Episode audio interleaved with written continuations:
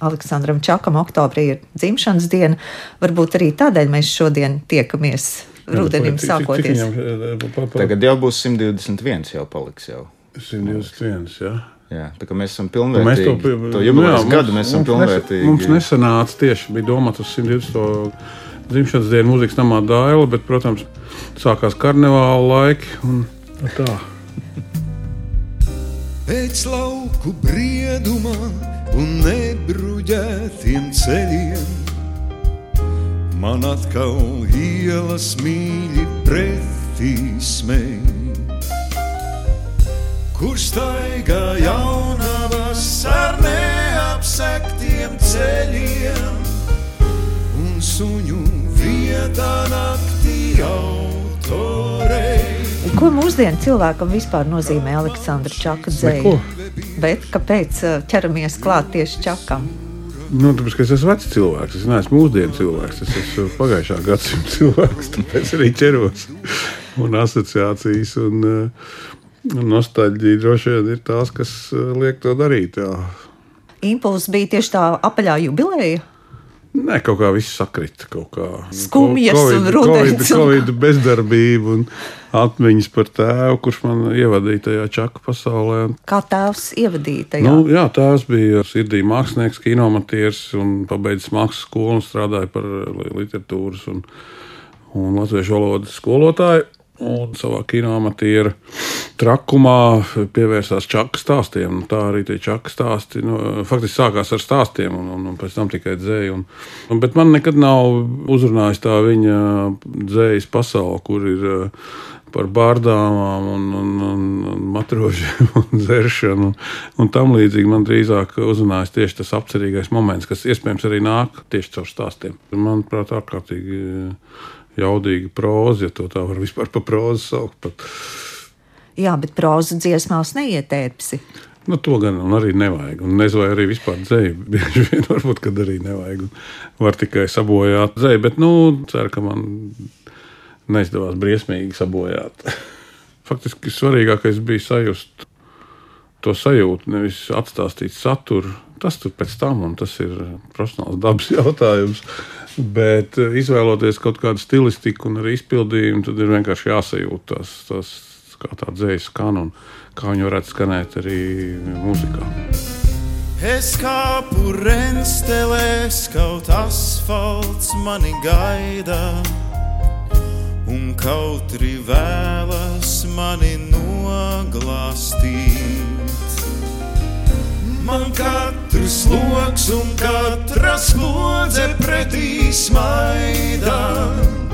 Pa durvis sveicinot, troksni cieti krīt. Jāņa Lūsēna dziesmas ar Aleksandra Čaka vārdiem dzied Zikfrīds Mukta Pāvels un Jānis Strasdiņš skaidroju, ko Jānim nozīmē Čaka dzēja. Man visbiežāk sanāk vispār ar jebkuru dzinieku un dzinieces dzēju saskarties tieši caur dziesmu tekstiem vai caur kaut kādiem libretiem. Un, un tāpat tieši arī ar čaku dzēju visbiežāk sanāk tieši caur dziesmām.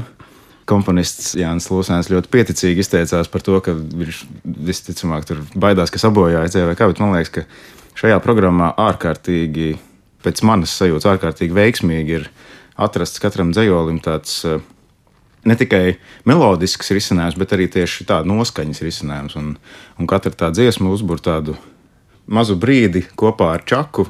Vai nu viņš ir nostalģisks, vai nu, tiešām ļoti skumjš par kādām mīlas nebūšanām, vai viņš ir tāds melanholisks un apcerīgs. Un, liekas, tā, vai arī ironisks. Vai arī ironisks, arī tāda sadaļa ir jā, arī šajā koncerta programmā. Tas man liekas tikai vēl paspilgtina to dzēju, ja šī mūzika ir viņa jau paceļ tādā vēl citā līmenī, to jau tā lielisko Aleksandra Čaka dzēju. Es daudzās dziesmās ļoti sajūtos tuvs Aleksandram Čakam, jo kaut kā tā noskaņa sakrīt ar to, kā es bieži vien jūtos. Tie 120 gadi liekas, nu, nekas jau daudz nav mainījies. Mēs mēdzam justies tieši tāpat arī tagad. Brīžiem. Bet, Jānis, sakiet, kā jūs izvēlējāties solistus? Šie solisti ir divi vīriešu balss uh, baritoni.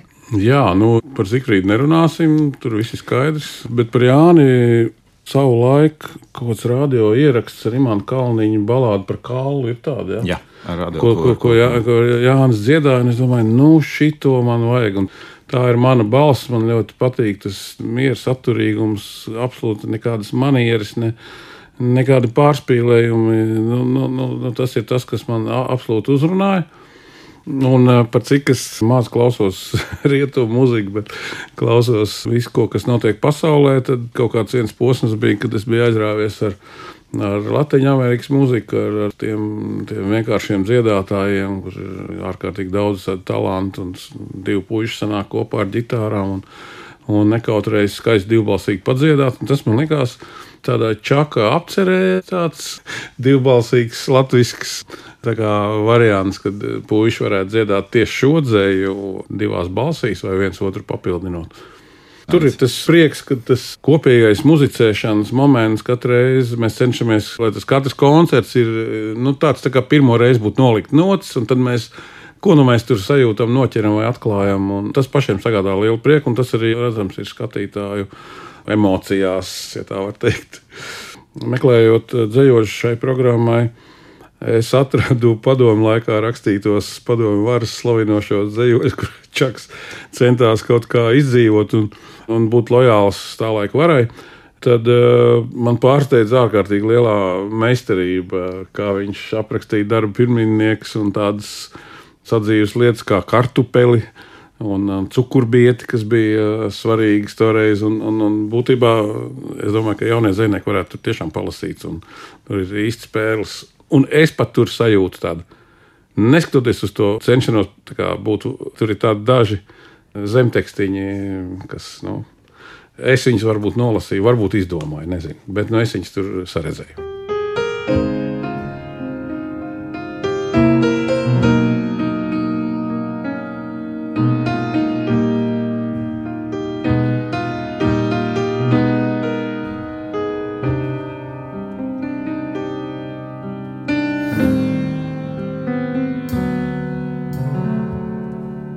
Tiem, kas kaut reizi dzīvē ir saskārušies ar Jāņa Lūsēnu mūziku, viņi jau būs pamanījuši to, ka Jānis ir izcils melodiķis. Un, un pat eh, ne tikai dziesmās, bet kaut vai klausoties eh, instrumentālo, piemēram, programmu AIZ, kur ir instrumentāla mūzika, bet jebkura no tām melodijām viņa var kļūt par dziesmu, jebkurā mirklī, jo viņas ir ārkārtīgi dziedamas. Un tāpat arī šajā programmā es teiktu, tās, tās dziesmas, viņas visas ir ļoti labskanīgas.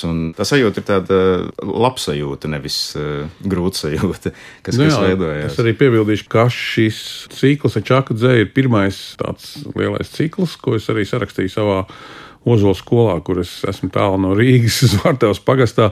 Un, redzot, tāpēc laikam acīs iekrīt vairāk tie dzējoļi, kas ir saistīti ar tādu dabas vērojumu apceru, ar pilsētas nomāli, ar, ar sienas maržu un kaziņām un basām kājām smiltīs un kaut kas tāds. Tāpēc, ka nu, tā vide, kur es atrodos, vienkārši to pieprasa. Jāatzīst, jaunradas projektu nemaz nav tik daudz Latvijas koncertu dzīvē, un Jāņa Lūsēna programma Satikt Čaku piedāvā ap 20 jaunas nedzirdētas dziesmas. Tas jau, protams, tas prasa tādu, es pat teiktu, drosmi no klausītāja izvēlēties nākt uz koncertu, kur, nu, principā, nu, mēs jau pirms tam neesam neizdevuši kādu albumu, ne promotējuši, tur laiduši singlus un jinglus par radio. Absolutely. Principā tā mūzika ir eh, viņiem pilnīgi jauna. Dzēja, protams, viņi ir lasījuši iepriekš, bet uh, Bet mūzika, muzikālie risinājumi ir. Tas man vienmēr bijis tāds jautājums, ko es mēģinu atbildēt, un es mēģinu ar savu darbu un dzīvi un radošo kaut kādu būtību provocēt cilvēkus uz to, lai viņi tomēr meklē un kaut ko atklāj savā dzīvē jaunu. Šovakar gribas man sapņot, tik sapņot un aizmirst ka vajag naudas, ka pazoles cauras un